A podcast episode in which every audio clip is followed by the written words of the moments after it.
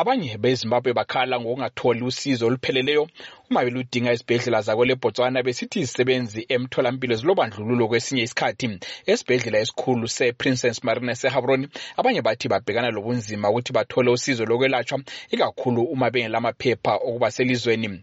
Ensukwini ezisanda kwedlula kulomunye ujaha odabuka ebhinga otshaywe yimota waphuza ukuthola usizo esibhedlela ngenxa yesimo sakhe samaphepha.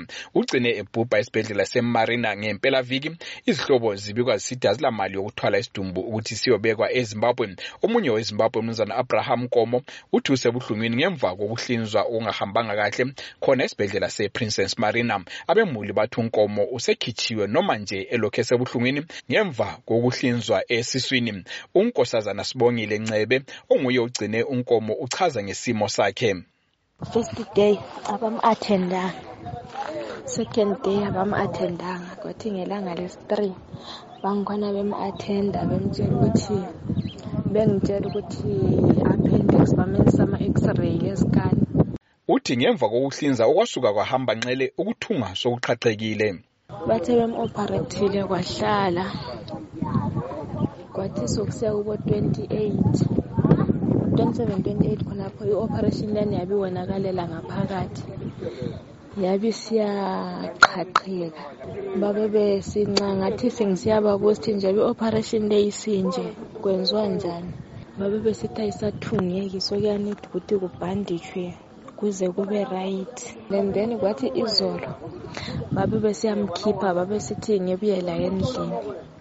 Manje ngilaye endlini and kunida ukuthi ngimhambise deyile esibhedlela siyageziswa isilonda leso. Uncebe uthi usethwele nzima ngoba engasebenzi kodwa kumele adingele isigulane amaphilisi njalo ayesibhedlela nsuku zonke. Lanxa angaze aye ekhaya uthi akaboni ezathola uncedo olungcono njengoba lezibhedlela zezimbabwe lazo zivele zingela ncedo. Okunhlanganiso yezimbabwe community in botswana umzana sifas chuma uthi kukhanya kusiba lobandlululo kwezempilakahle. Indaba lezi ziyahlupha kakhulu ngoba kathesi kunje enalo umfana otshaywe yimota webhinga. Uyathola ukuthi lo muntu omchayileyo akulalutho vele oluzenzakala kuye ngoba utshaya umuntu okuza. Kuyahlupha khona lokhu.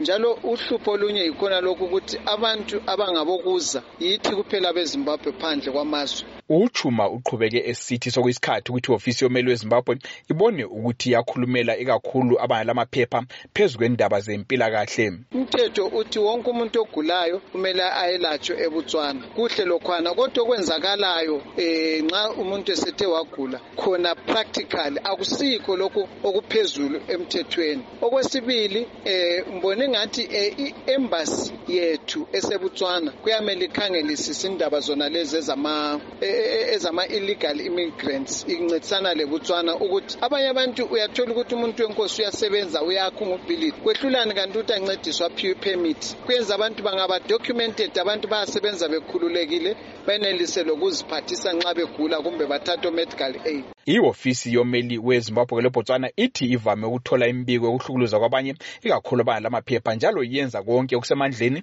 ukuthi ikhulumisane leziphathamandla zikahulumende webotswana. Omela iofisi yezimbabwe esehabroni umnumzana henry mukono weshuro uthi wonke umuntu noma yelamaphepha kumbe la maphepha ulelungelo lokuthola usizo lokwelatshwa. You are advantage of the